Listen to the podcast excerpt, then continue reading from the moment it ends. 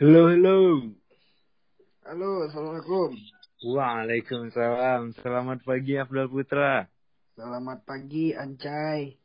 Iya. Oke. Langsung saja kita mulai podcast kita hari ini. Oh iya. Bang. Boleh, boleh, boleh. Kita sekarang mau ngebahas tentang cerita Malin Kundang ya, cuy. Cerita melindang. Malin Kundang, bukan Malin Udang. Mas orang enggak? Ku suara dena. Tidak nggak suara den. Mari lah. Ah. Pagi ini Ba, ah, kon- dulu. Mati pernah.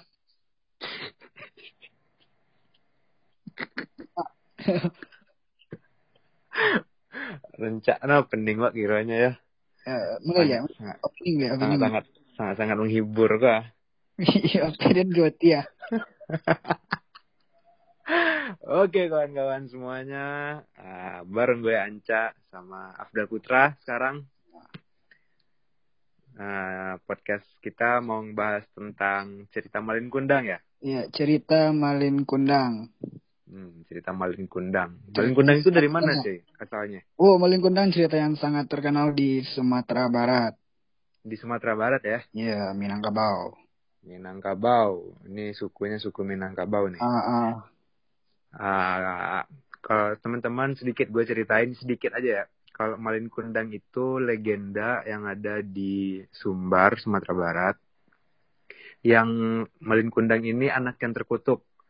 Yang dikutuk oleh ibunya menjadi batu karena telah durhaka telah melupakan ibunya ya. Ah, ah, setelah melupakan ibunya dan dikutuk jadi batu dan batunya dimonumenkan sekarang di pantai. nah, Jadi Oh. tempat para wisata ya sekarang. tempat pariwisata. Nak gampang. itu itu kalau teman-teman teman-teman semua kalau mau ngelihat monumennya itu ada di Pantai Air Manis Ah, di Kota Padang. tepatnya tuh di ujung kali. Ah, itu ada batunya. Nah, di sana ombaknya bagus di sana. ah, nah sekarang kita tuh mau ngebahas satu-satu nih. Oke. Oke, siap. Wih, deh. enak juga nih dengar backsoundnya. Enak lah, masa pulang enggak kan? Pak lalu aja yang enggak. Ah, kita mau ngebacain ah, dongeng cerita cerita ini ini bisa legenda ya, cuy. Dongeng ya. Legenda, legenda. Soalnya, soalnya banyak diceritain sama anak kecil yang ada di Padang ini. Diceritain Saya itu nggak boleh durhaka kepada orang tua. Ah, ah. Nah, katanya ya pada zaman dahulu perkampungan nelayan di pantai air manis di daerah Padang. Ah, jadi hiduplah seorang janda bernama Mande Rubayah Mandi Ruby. bersama seorang laki-laki. Ya, Mande Rubayah ini berarti ibunya Malin Kundang. Ah, Mande Rubayah ini sangat menyayangi anaknya dan memanjakan Malin Kundang. Malin adalah seorang anak yang rajin dan penurut.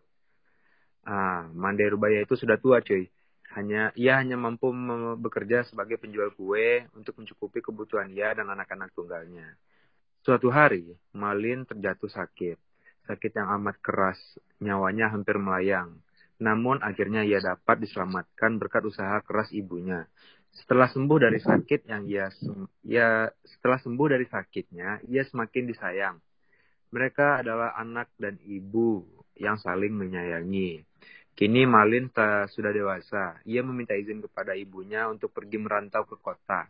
Karena pada saat itu sedang ada kapal besar merapat di pantai air manis. Nah, di sini nih udah masuk awal permasalahannya ya, Dal. hmm, lanjut, lanjut, Halo? lanjut. Tak kalok dan lanjut, Ah. Nyum aja deh buat podcast Iya, gitu nanti iya, iya. kalau panjang dan emang. Ah, terus Ibu Malin berkata, jangan Malin, Ibu takut ter- terjadi sesuatu denganmu di tanah rantau sana. Menetap sajalah di sini, temani ibu. Ucap ibunya sedih mendengar keinginan Malin yang ingin merantau. Ibu tenanglah, tidak akan terjadi apa-apa denganku, kata Malin, menggenggam tangan ibunya. Ini kesempatan ibu, karena belum tentu setahun sekali ada kapal besar merapat di pantai ini. Aku ingin mengubah nasib kita, Bu. Izinkanlah. Pinta Malin memohon. Baiklah, ibu izinkan. Cepatlah kembali. Ibu akan selalu menunggumu, nak. Kata ibunya sambil menangis. Meski dengan berat hati, akhirnya Mande Rubaya mengizinkan anaknya pergi. Kemudian Malin dibekali dengan nasi berbungkus daun pisang sebanyak tujuh bungkus. Waduh, banyak Ah, banget. ah. Untuk bekalmu di perjalanan, katanya sambil menyerahkan kepada Malin. Setelah itu berangkatlah Malin Kundang ke tanah rantau, meninggalkan ibunya sendirian. Singkat cerita, Malin sampai di kota dan Nah. dia jadi orang kaya. Nah, dia udah jadi orang kaya ya kan. Cuman ke bentar. Ya, udah jadi orang kaya, terus dia balik ke kampungnya lagi. Dia balik ke pantai air manis. Pulang ke tanah kampungnya lagi, tanah kelahiran. Tanah kelahiran. Tanah. tanah kelahirannya. Terus ada ibunya kan dapat kabar, eh dapat kabar, dapat kabar kalau si ada kapal besar yang menepi di pantai air manis. Terus dia selalu menanyakan, apa kalian melihat anakku Malin? Apa kalian melihat anakku Malin? Dan ternyata habis dibilang sama orang-orang daerah orang-orang kampungnya itu bilang ngeliat diturut diturut dong disamperin. Disamperin sama ibunya Mande Rubaya. Setelah itu habis ketemu Malin itu tidak mengakui ya. Ah, ah, Malin tidak mengakui kalau itu ibunya. iya dia tidak mengakui karena tampilan Mande Rubaya itu sudah seperti nenek-nenek yang terbungkuk-bungkuk nenek yang terbungkuk pokoknya Nenek. dan Malin itu membawa pasangan kalau nggak salah gue ya dia membawa pasangan uh, pasangan istrinya yang cantik dan malu di sini dibilangnya malu untuk mengakui kalau Mande Rubaya itu ibunya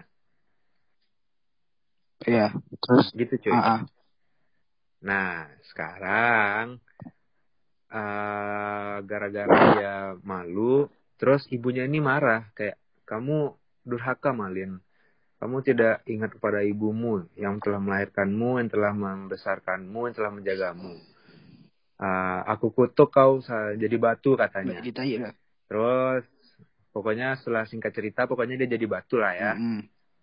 Nah di sini gue pernah dengar nih, gue kan eh, kuliah jurusan bahasa ya. Gue pernah dengar kalau katanya Malin itu nggak bersalah cuy. Terus yang salah? Yang salah ibunya. Kenapa? Katanya. Nggak perlu bilang ibu. em, kalau katanya itu kalau nggak salah gue mungkin ada faktor eh, biologis atau faktor psikologis yang mempengaruhi kemalin katanya. Soalnya dia tidak ingat wah bentuk wajah rupa, rupa ibunya katanya ya. Mm-mm. Terus ada yang mengaku-ngaku jadi anaknya, jadi seorang ibunya. Ya Malin dengan kekayaannya seperti itu, dia nggak mau dong menyerahkan harta kekayaannya kepada orang yang tidak jelas, ya kan? Kalau dipikir logikanya kayak gitu, yang gue pernah dengar ini Ah. ya. Kalau menurut lu gimana? Itu benar atau enggak? Bisa di yu- lu komen nggak? kalau menurut gua di sini nggak ada yang salah. Kedua-duanya salah. Terjadi Dua-duanya yang ah, salah. salah pahaman mungkin. Oh di sisi Malin, Malin Gundang ini karena dia udah kaya, berarti dia nggak mungkin dalam pikirannya dia nggak mungkin punya ibu sejelek itu. Dalam pikirannya, dalam pikiran Malin Hmm, dia nggak mungkin punya ibu sejelek. karena dia udah kaya ya. Ini dia udah kaya, dan dia nggak mau Iya, iya. hartanya sia-sia aja ke orang yang nggak dia kenal, seperti yang lo katakan tadi kan. Sayang kan. sayang gitu. Tapi kalau kita pikir-pikir lagi, setiap ibu dan anak pasti memiliki ikatan batin yang sangat kuat. Bener banget Nah, cuy. tidak mungkin seorang ibu atau anak tidak mengenali kalau itu ibu dan anaknya. Pasti dia ada ikatan batinnya. Oh, dia pasti tahu ya. Pasti ada rasa ya. gitu. ya, walaupun ya sedikit kan. Kayak gua sama Pevita kan ada rasa dikit-dikit cuman bisa gitu. Aduh, Anda kayaknya sudah Oh, ngelantur. gini. Ah, ah. Tapi wajar aja Malin bertanya, tapi ibunya ini langsung saja mengutuk Malin, padahal bisa dibicarakan baik-baik. Benar. Ah, ibunya langsung sakit hati. Nah, ibunya ini memakai sifat yang perempuan sekali gitu. Yang perempuan sekali ini Lu gimana? apa sifat perempuan yang sangat sangat sifat perempuan? Egois Enggak. Egois, laki-laki bisa egois. atau ah, pemarah gitu atau Pemarah. hmm, pemarah apalagi ya? Atau mungkin dia apa namanya? Takut kehilangan mungkin. Enggak.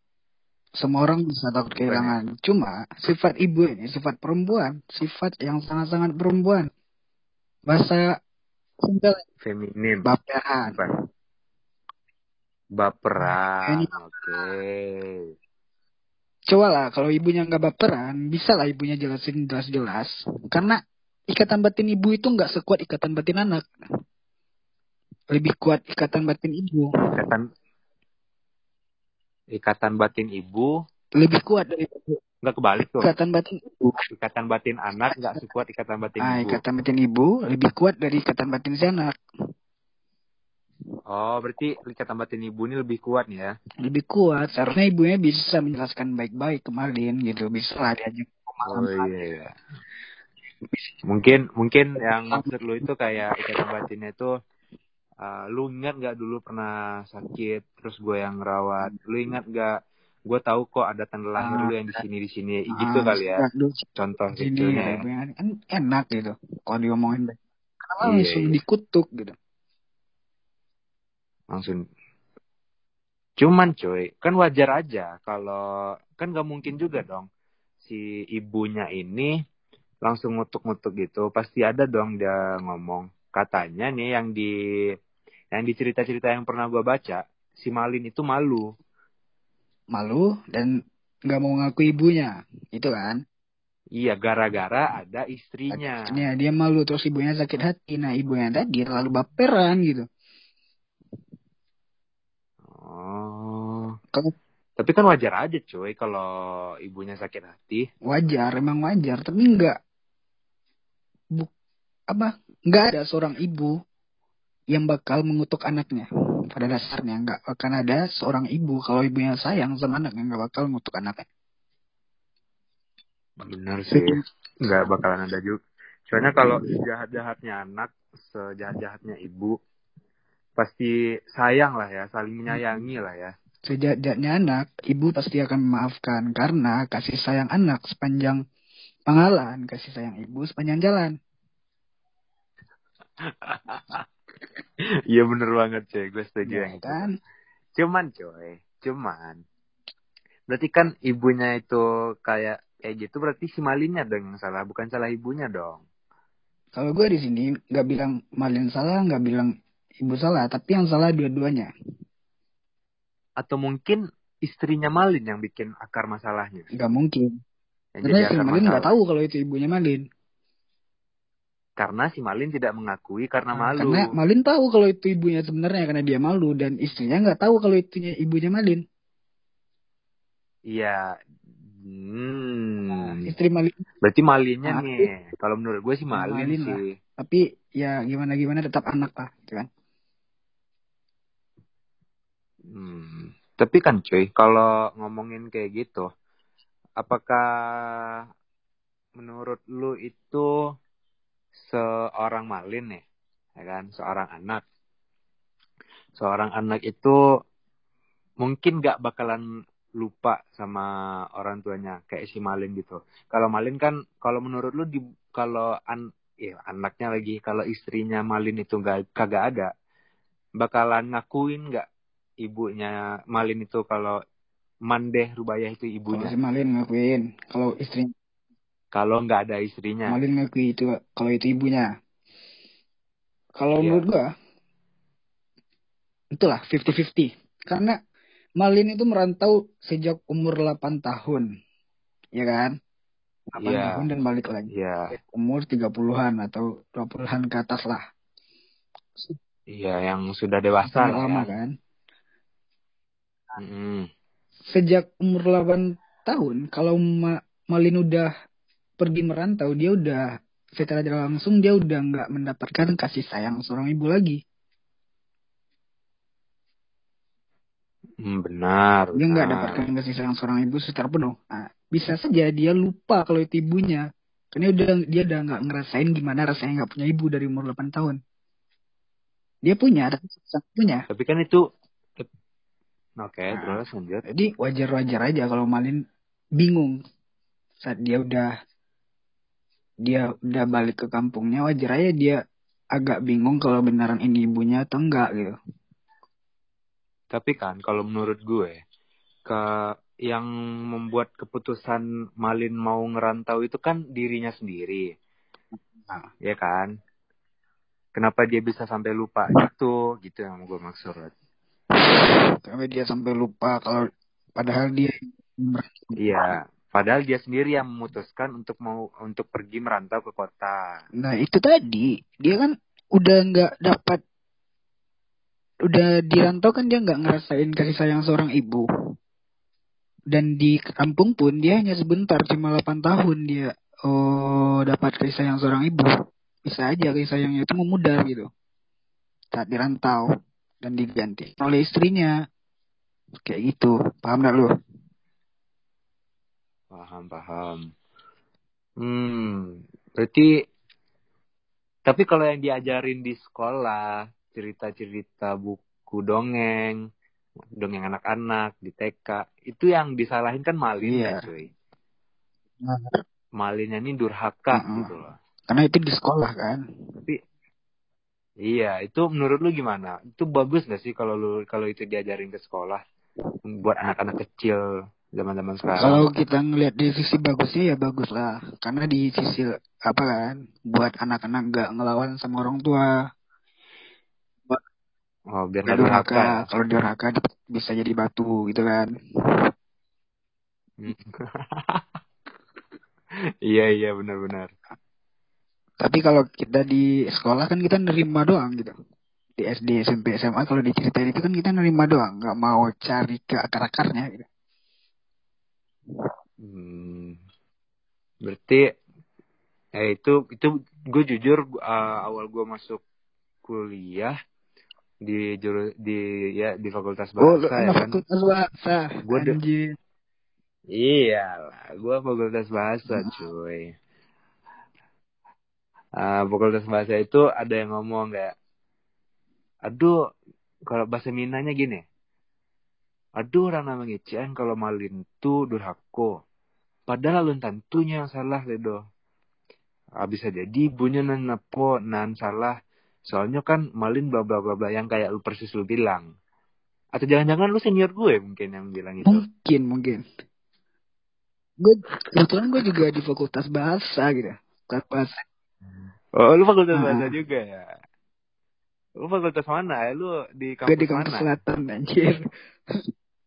Oh, lu Ah, kampus selatan. Widih. Kok, kok sama ya nama-nama Sama lah. kita ya? Oh iya, kalau gue gak kampus selatan, coy. Gue kampus Kampus ungu. Wow, ungu ya, hijau terang. Iya. Sekali. aduh, aduh, aduh. Cuman berarti kalau buat cerita Malin itu, tapi ya cuy, kalau menurut gue, buat anak-anak dari dini, mending diajarin kayak gitu cuy. Kenapa? Kenapa? Soalnya cuy, kalau diajarin tentang satu sisi yang kayak gitu, jadi anak-anak itu nggak bisa ber open minded. Karena dia tuh cuma ngelihat satu sisi. Dan satu sisi itu dia tuh nggak mau ngulik ke permasalahan yang lain, ke faktor yang lain. Dia cuma nyalain kalau dia itu durhaka. Dia tuh nggak ngakuin Ya. ibunya. Udah, Iya. gitu doang. Tapi- Dan padahal di belakang itu kan ada faktor-faktor, ya kan? Faktor-faktornya kenapa dia bisa lupa, kenapa dia bisa nggak ingat. Harusnya di sekolah-sekolah diajarin dari dulu kayak gitu, diajarin. Seharusnya iya, seharusnya di sekolah terus ngeliatin dari dua sudut pandang juga gitu. Enggak harus.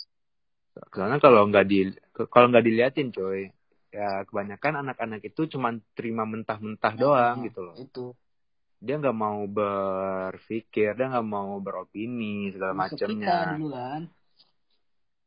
I- iya, gue dulu, gue pas awal denger itu ya, cuy, gue kan baru tamat eh, sekolah ya kan. Gue denger itu kayak, anjir, ini orang apaan sih? Gue bilang kayak gitu. Ini orang ngapain sih, gue bilang. Dan habis itu gue sering-sering duduk sama senior-senior, ngobrol-ngobrolin tentang-tentang cerita-cerita kayak gitu. Berarti udah masuk ke Udah. sastra kali ya. Bahasan kita ini. Ini udah masuk ke sisi sastra. Nah, dan ternyata di sastra itu luas cuy. Satu cerpen pendek kayak gitu ternyata luas. ya, masanya. Ginda. Oh iya, mah cerpen dongeng, Hmm, dongeng, dongeng, legenda ya. Cerpen lagi. Ah. Sorry, sorry, gue salah. S- Sorry, sorry, sorry. Salah. Maklum, sudah. Iya, Nah, benar. Jadi Jadi kalau secara tidak langsung kita sadar kalau kita di sekolah itu dibodoh-bodohin gitu. Nah, itu, itu yang gue mau bilang. Soalnya kita tuh cuma terima yang Iya. mentah-mentahnya doang. Kita nggak di kuliah pun kita cuma terima mentah-mentahnya doang di awal kan. Kalau nggak disuruh mikir ya kita nggak malas mikir ya kan. Nah, bener banget. Cuman kalau di sastra, kita tuh nggak disuruh Ah. kayak gitu kan, cuy. Gue denger dari senior-senior gue nih. Kita disuruh malah disuruh mikir lebih keras ya sas- kan. sastra ini kajiannya dekat sama filsafat gitu. Iya, itu benar. Gitu. Sastra. Jadi, kalau ngomong-ngomongin ini, suara lu Iya. putus-putus ah. Alah. Halo, halo, Nah, halo, halo. udah. Ah, oke. Nah, udah. Lanjut. jelas nih. Soalnya kalau di sastra itu kajiannya tuh lebih ke filsafat, lebih luas. Dan lebih ada juga ya kita di, di filsafat itu bahas-bahas tentang kajian budaya, cerita-cerita budaya Heeh, gitu ya kan. sastra, dasar dan budaya. Soalnya iya banyak yang mau dibahas kayak cerita, bahkan film. Gue pernah dengar juga film Batman versus Joker, Civil eh bukan Civil War ya, itu yang di DC, sorry. Terus yang kawan-kawannya Joker itu Suicide Squad, tahu nggak lo? Yang pilihannya itu jadi orang Hmm, baik terus? gitu. Penjahatnya jadi orang baik ya kan. Dan Batman versus Joker yang di film Joker. Ya kan, katanya kan, dah gue ada juga dos bahkan dosen gue yang ngomong kalau yang jahat sebenarnya itu bukan Terus Joker itu justrunya baik. malah si Batman-nya. Orang, Iya, Joker tuh katanya orang baik. orang baik yang tersakit. Cuman gue gue nyesel sih kemarin gue nggak sempet sampai sekarang gue belum sempet Oh. nonton itu. Dan gue sekarang mau nonton gak sempet sempet cuy. Soalnya yang pertama berbahaya. Sama kayak film, Saya tidak film punya modal. Titanic. Titan. Kalau Titanic gimana cuy? Kalau Titanic denger tuh. itu kan lu udah nonton Titanic. itu kan Udah, si Jack, si Jack Sparrow. Apa namanya? Ya si Jack. Bukan Jack Sparrow cuk. Jack Sparrow mah. Jack, si Pirates Jack. Caribbean. Si Jack sama Ada si lagi. Ross. Ya, si Ross sama Ross ceweknya ya ceweknya, kan. Jack sama cowoknya. Terus, nah, Ya, itu kan terus? yang jahat sebenarnya itu kan bukan si cowoknya si Ross yang sebelum Jack gitu. Justru yang di filmnya kan dibilang si yang jahat itu Ah, si tunangannya itu kan. Iya, jahat sebenarnya di sini si Jack gitu. dia si- Karena si Ross ini si udah bertunangan dan dia masuk dalam hidupnya si Ross gitu. hmm, Jahat sekali bukan? Saat orang lain sudah bertunangan, dia masuk. Tapi kan ujung-ujungnya mereka saling mencintai dan si Ross itu kan dari awal tunangan sama si siapa yang namanya tunangan itu tunangan sama tunangan itu Iya. dia nggak suka cuy. Karena dia udah Terus bertunangan. Si Jack dat bentar si bentar gua potong. Dia kan sama dia kan nggak suka sama tunangannya. Terus dia kan balik dia balik lagi. Dia uh, si Jack itu mulai mendekati di mendekati si Jen ya kan. Eh mendekati si Jen lagi mendekati si Ross. Dan si Ross itu juga nyaman Iya, sama si Jack. Ah, ah. Dan menurut gue itu nggak salah sih. gue itu gue itu jahat Menurut gue ya. Kalau andaikan dia nggak mau di awal kenapa Jahat. dia mau bertunangan gitu Hmm, kepaksa kali. Ada utang. si Tirbaya anjing. Ah, oh iya, ntar next episode oh, kita bahas siap, si si Nurbaya Tirbaya. gimana. Si Tirbaya ini kisahnya sama juga. Oh, ini iya, kalau si nggak salah Nurbaya. ya, hampir-hampir sama. Hampir-hampir sama. Gua next episode si Nurbaya, terus nextnya lagi ke tenggelamnya kapal Vanderwege. Wih Oh, gila, ntar aja kampung kita dan mudik enggak? Oke, Pulang kampung dan mudik. apa? Uh, oh, oh, Anda jangan membawa-bawa itu di Oke. podcast ini dong. Ntar Oke. kita dikecam lagi. Dong. Oke pokoknya itu aja teman-teman Ke pembahasan kita tentang Malin Kundang cerita Malin Kundang cerita legenda dari Sumbar Sumatera Barat Kota Padang, itu di Sumatera Kota Padang. Nah, iya dan itu sedikit sud- sudut pandang lain Ah, dari sudut pandang kita yang-. Ya kan? Lebih tepatnya bukan dari kita sih, Iya, lebih gua- ke lu. Anjir gue. Sudut pandang, Lebih ke lu sih sebenarnya. sudut pandang yang sembraut. Apa? Sudut pandang yang sembraut gitu Apaan? dari gue. Bukan sembraut coy itu sudut pandang hal yang tersirat yang tak tertuliskan di dongeng ter- Oh, di legenda tersebut sekali anda. Nah, nah, eh bukan itu kan ah, emang gitu kan Iya, iya. sistemnya cara kerja cara kerja Wow, sastrawan cara sastrawan. kerja anak-anak sastra ya kan Ntar ya. iya kan bener kan gua nah itu makanya oke teman-teman Oke, Eh, mungkin itu itu aja dulu. kali ya soalnya kalau kita bahas sekarang Gitu. Gak enak cuy. Kita bikin ne- next episode-nya aja. Oh, Next episode kita maunya Siti Nurbaya atau Siti Nurbaya dalamnya dong. Kapar Vanderwich nih. Siti Nurbaya Ah. kali ya. Yang lebih dekat dulu kali ya. Iya. Nah, itu pertama Ah. yang gue sebut kali. Yang Oke pertama. teman-teman semua, terima kasih udah dengerin podcast kita. Terima kasih udah dengerin Iya. podcast kita nih ya. Kita cuman ngebahas tentang legenda-legenda dari legenda yang po- udah termasuk populer ya. Ah, termasuk. Tapi kan Indonesia. itu dari sudut pandangnya yang lain gitu.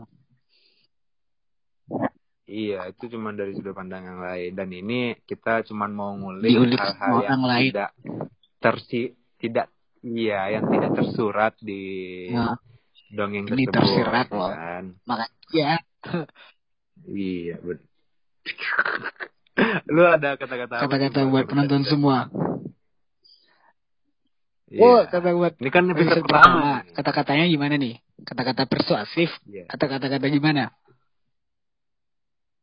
Aduh, Anda sangat sastra sekali ya. Sampai-sampai kata-kata itu Anda faktor-faktorkan menjadi beberapa Iya, iya. Maksud gua kata-kata gitu ya, karena macamnya.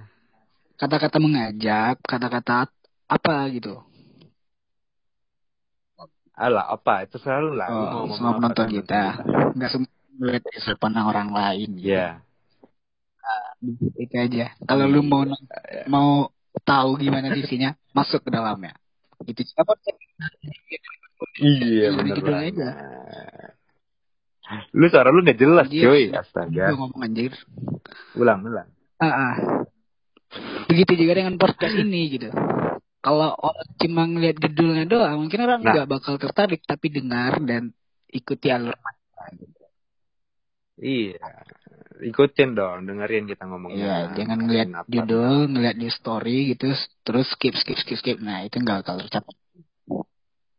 Ntar, ntar, ntar coba kita pikirin ke clickbait Ah. yang bagus buat podcast, Podcast kita, cuy. pokat ya. podcast Wow, sorry ya. Ekspresi gua. Aduh, seru-seru banget. Seru banget. Oke, Ah, oke. iya, siap, Cai. Kayaknya itu aja kali ya. Oke. Anjir.